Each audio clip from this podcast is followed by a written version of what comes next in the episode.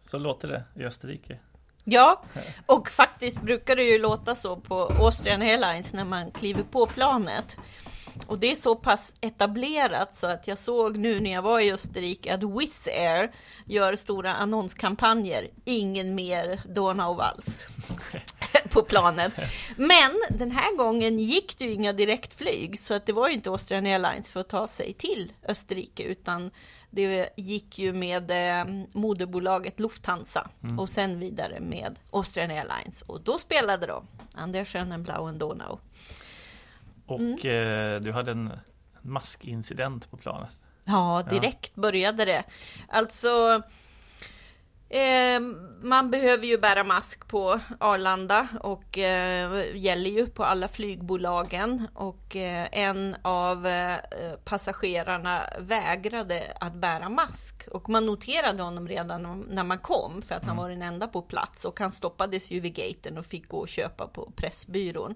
Men han råkade sen sitta på samma rad som jag satt och jag noterade det battlande som blev mellan honom och flygvärdinnorna som slutade med att eh, de kom fram och sa att om han gjorde det en gång till så skulle han inte få åka vidare till sin mm. slutdestination.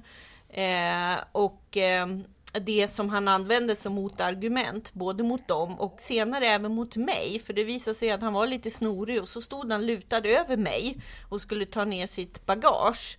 Och då eh, var jag faktiskt tvungen, så snabbt gick det, att poängtera att om vi nu har den här regeln får vi alla förhålla oss till den, så sätt på dig masken. Och då sa han även till mig att vi inte kunde tänka själva och att han var kapabel till det. Så att han behövde inte använda masken. Eh, och det där, dels var det intressant att reflektera över hur snabbt jag själv reagerade mm. över att eh, nu behöver vi förhålla oss till de här reglerna om vi nu ens ska ta oss från plats A till, till B på samma sätt som vi har säkerhetsbältet och vad det nu finns för säkerhetsföreskrifter. Eh, och, eh, men också hur eh, eh, man såg ju på, på, på Frankfurts flygplats eh, så eh, hade ju verkligen alla det otroligt mycket och kontrollerade så att eh, just den här mannen togs ju direkt sen på flygplatsen när han ville gå omkring utan mask. Man tänker sig av alla kullar att dö på, välja maskkullen. Ja, här ja, är striden. Ja, This is the battle of my det life. det här är det som strid. avgör. Ja. ja. Och jag är beredd att liksom bli kvar, ja. bli fängslad ja. bortsläpad av tyska eh, ja, jag, poliser. För ja, detta. för man kände ju att om han hade haft den attityden han hade på flygplanet där han raljerade om så, vad ska ni göra? Mm, ska ni mm. kasta ut mig genom fönstret och mm, så? Ja. Eh, och, och eh, att han kunde tänka själv och så. Det tror jag inte fungerade med den tyska polisen. Men eh, du skrev ju en text just där om vikten av att ändå fortsätta resa. Okej, nu har vi hittat former för hur vi reser och mm. det finns regler och så vidare. Att det är viktigt att, att göra det för att inte bli rädda. Det var ju något som vi fick sett en del reaktioner på just den texten. Hur viktigt det är att träffas och upptäcka nya människor, kontinenter, länder. Att någonstans och den här att gå mellan åkern och eh, sängen. liksom. Eh, att ja, vi får inte falla tillbaks i det utan det finns ett det finns ett värde i att, att resa och då pratade du inte om det okynnesresandet mm. utan någonstans om eh, ja, vi, att tappas det bort så, så tappar vi bort någonting av det som gör oss till den civilisation vi är. Ja, mm. alltså jag tror för att det är ju väldigt lätt mm, att, att se liksom pandemin och det minskade resandet som något, liksom, om, om, man sätter det i relation till den flygdebatt som har varit innan och mm. miljöperspektiven och det här okynnesresandet och då är det så här lätt att tänka att ja men jag eh, befinner mig på min eh, eh, sommarstuga som man nästan anges, antas ha på något sätt. Jag är ju mm, en sån mm. person som absolut inte har den typen av, jag slås varje år när jag är i Almedalen så är den ständiga frågan om vad jag har mitt sommartillhåll. Mm, som om det mm. vore så givet. Och då, det påminner en ju någonstans också om var charterresandet en gång i tiden började och vad det betydde mm. utbytesmässigt också. Mm. Eh, och så. Och, och eh, behovet av att mötas. Och jag tror att det går att hitta en balans där mellan att det är klart att man skippar okynnesresandet. Men att drivkraften i att människor vill mötas och träffas, den är ju mm. den, eh, den bär vi ju med oss för alltid. Och personligen så eh, trots att det var en, en resa som gjordes för att jag behövde ta hand om en massa privata saker kopplat till att min, min mor befinner sig på ett vårdhem i en pandemi i ett annat land. Så var det också, trots min egen noja, för jag är mm, liksom, vad utsätter jag mig för smittorisk här och så vidare, så var det så skönt att våga göra det mm, och mm. Eh, liksom också dela pandemiverkligheter och se att, att livet rullar på för att man har levt otroligt isolerat de senaste månaderna. Mm. Eh, och eh, det blev väldigt tydligt och det blev så tydligt över vad resandet eh, betyder. Jag har pratat med många på plats i Österrike om det och jag tänker mycket på faktiskt den 80-årige mannen, österrikiske mannen som jag träffade som var djupt oroad vad det här gör med oss när vi blir så här nationalistiska. Mm. Eh, och, och eh, tror att vi kan backa tillbaka till något som, som inte skapar förutsättningar för eh, liksom, kulturer och människor att utvecklas tillsammans. Så att det, det den resan satte mm, fokuset på de perspektiven också. Mm. Mm. Jag gjorde en intervju precis med en eh, forskare i eh, Uppsala universitet som har forskat på Apropå resande, att man mm. också har slutat resa, inte bara globalt men också inom länder. Och i Nepal så reser ingen längre till sjukhusen för att föda sina barn.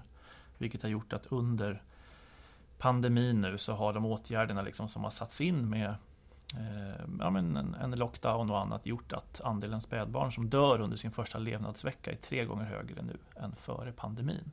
Och han beskrev det som att vi har färdats 20 år tillbaks eh, i tiden. Att mm. färre söker sig till sjukhus. Dels på grund av tillgången på transporter och att man faktiskt inte fick resa under perioder men också att man är rädd för att söka vård och rädd för att bli smittad när man söker vård. Och de ja, men, väldigt brutala effekter som, eh, som det här någonstans eh, får. Eh, och med de ganska enkla åtgärder som man kan rädda nyfödda barn, alltså inte ens det har man möjlighet att att göra. Så han var väldigt bekymrad och han menar att det här är någonting som kommer pågå under de kommande fem åren ungefär. Alltså viruset och insatserna mot det. Att det här måste man liksom jobba väldigt långsiktigt, väldigt systematiskt med. Eh, med att se till att folk börjar söka vård igen och söka sig till sjukhuset om man, om man behöver det. Att det liksom gick snabbt att radera förtroendet för sjukvården. Eh, och det kommer ta lång tid han var inne på, ja, men femårsperspektiv och bygga upp till de nivåerna man var före pandemin. Oj, oj, oj. Ja. Ebola, spelar det roll här? Ja, när han pratade om det, att han hade forskat på det också mycket. Eh, och ebolan fick ju liknande effekter i att folk inte ville söka vård. Men eh, skillnaden var att ebolan har vi ändå rätt bra koll på, liksom hur det, den sjukdomen fungerar, hur den smittar eh, och så vidare. Så det som gör coronan så obehagliga är att den är mycket mer oberäknelig. Att vi vet så lite om den. Det är ett mm. så relativt nytt virus som ju också skapar en, Eh, en osäkerhet. Det finns liksom inget för detta utbrott att titta på eller att, att lära av. Men visst är det så, han pratar om att man kan lära sig saker från ebolan eh, om hur trenden kan vändas igen. Men han var också inne på att det fanns också positiva saker och det handlade om eh, handhygienen på sjukhusen. Förbättras väldigt användandet av handskar, användandet av munskydd, eh, alltså i sjukhusmiljö och en allmän liksom uppsnäppning vad gäller hygienrutiner inom hela sjukvårds... Eh, så att tar man med sig det och kommer tillbaks så kan man komma tillbaks på en högre nivå. Men eh, det var en spännande studie. Det var bara ja, plockade upp, det var faktiskt en, en blankspottare som delade pressmeddelandet från Uppsala universitet. Så jag ska skriva ihop det. Det blir mm. lite av en blankspotvinkel mm. på Corona. Det börjar ju komma mycket sånt eh, intressant om mm. Eh, eh effekterna av eller analyserna av vad hände egentligen de första månaderna och vad kan vi lära av det mm. framöver eh, och så. Ehm, vi är ju verkligen bara i, i början utav, utav det och mm. effekterna av det. Vi ska ju själva genomföra en eh, demokratiutställning i slutet av året som ju mm. i sig har fått helt andra förutsättningar för att kunna genomföras. Eh, mm. Din resa till Etiopien som var central från mm, första mm, början mm. blir ju ett delmoment av det. Men bara tanken på att intervjua ungdomar om sina tankar om demokratin och mm, mm. vad det har inneburit för dem i en reflektion om att inte kunna röra sig som vanligt eller träffa sina äldre anhöriga och så. Det, det är ju också delar av att eh, utnyttja sin eh, rörelsefrihet, mötesfriheten och så. Mm. Det, det, blir, det blir väldigt intressant. Och i, i Österrike befinner man sig i ett skede där man ju har tittat på vad hände när man genomförde lockdownen eh, i mitten på mars.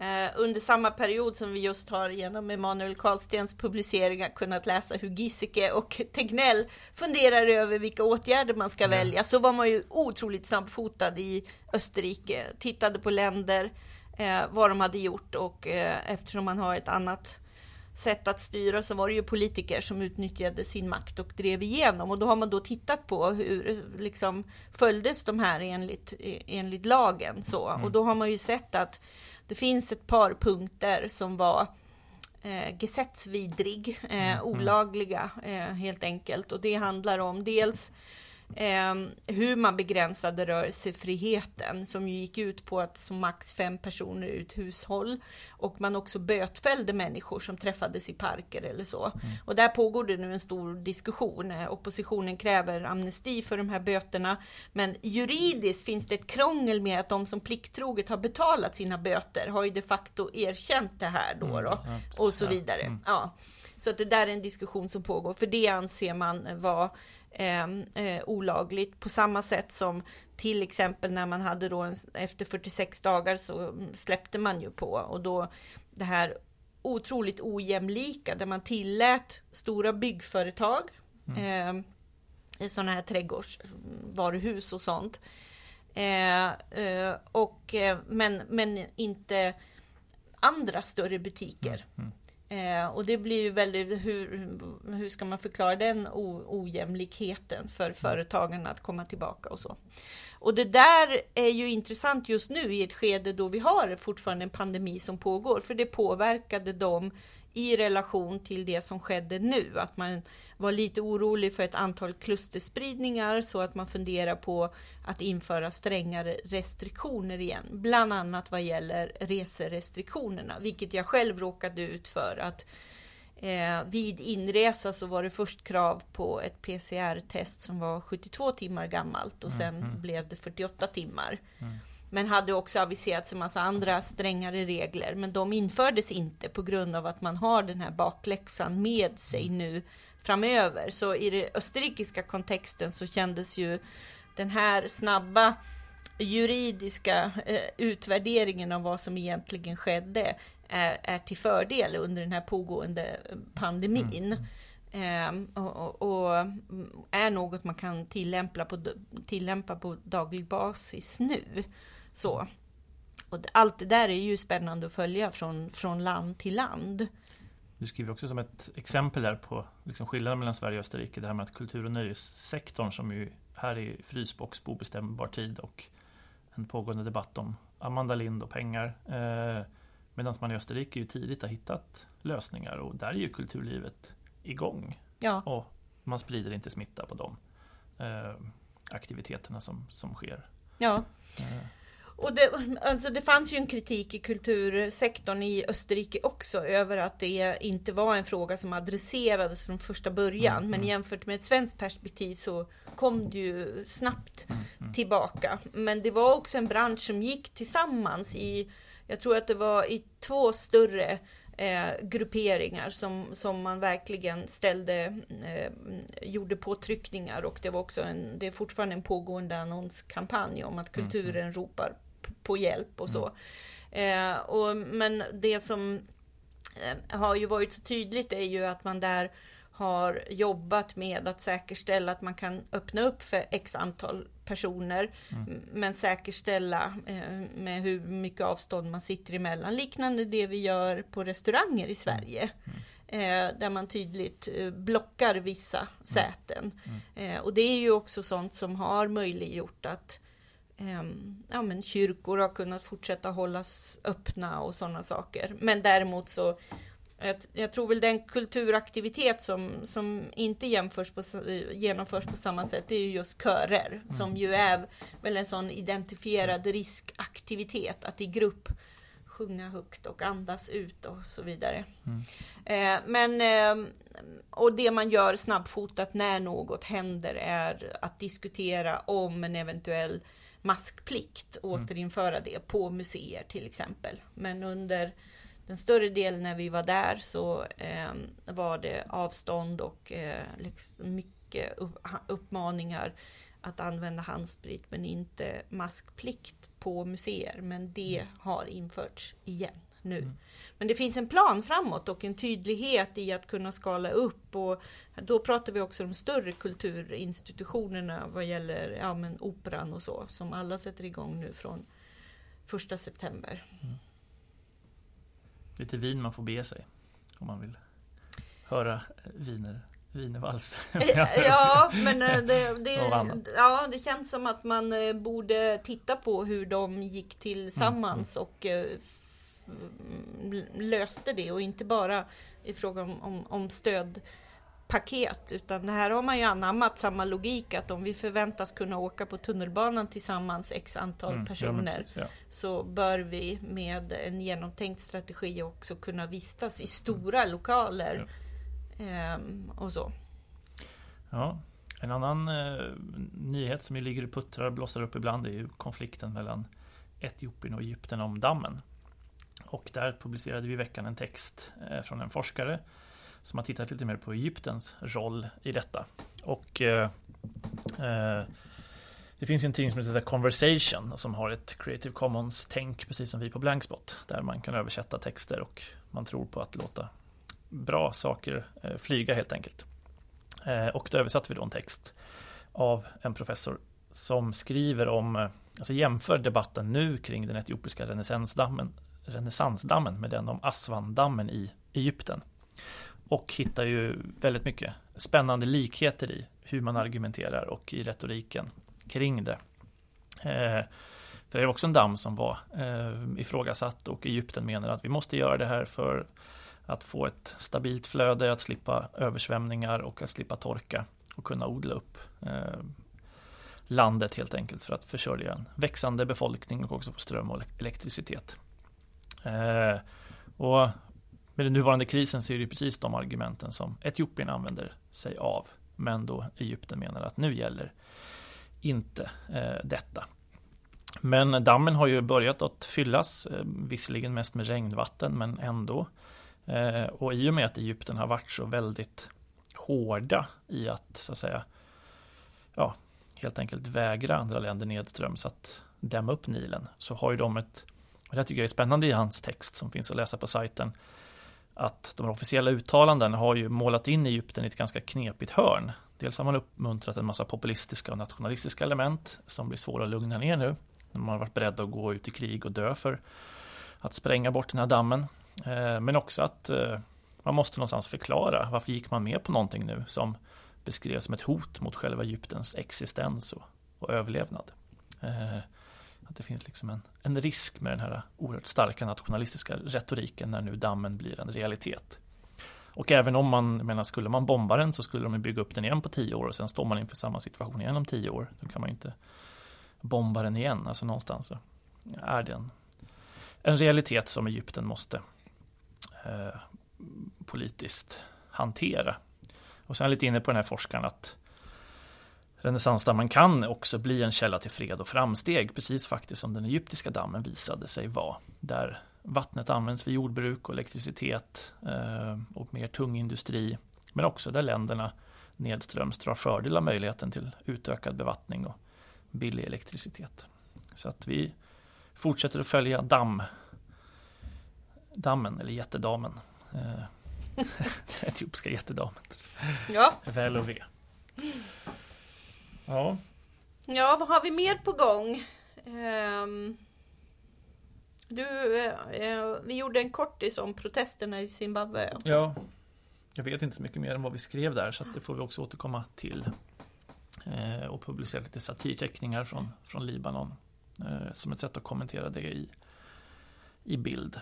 Mm. Annars har jag precis skickat en väldigt långt reportage för citatkoll hos intervjuade och källor och granskade.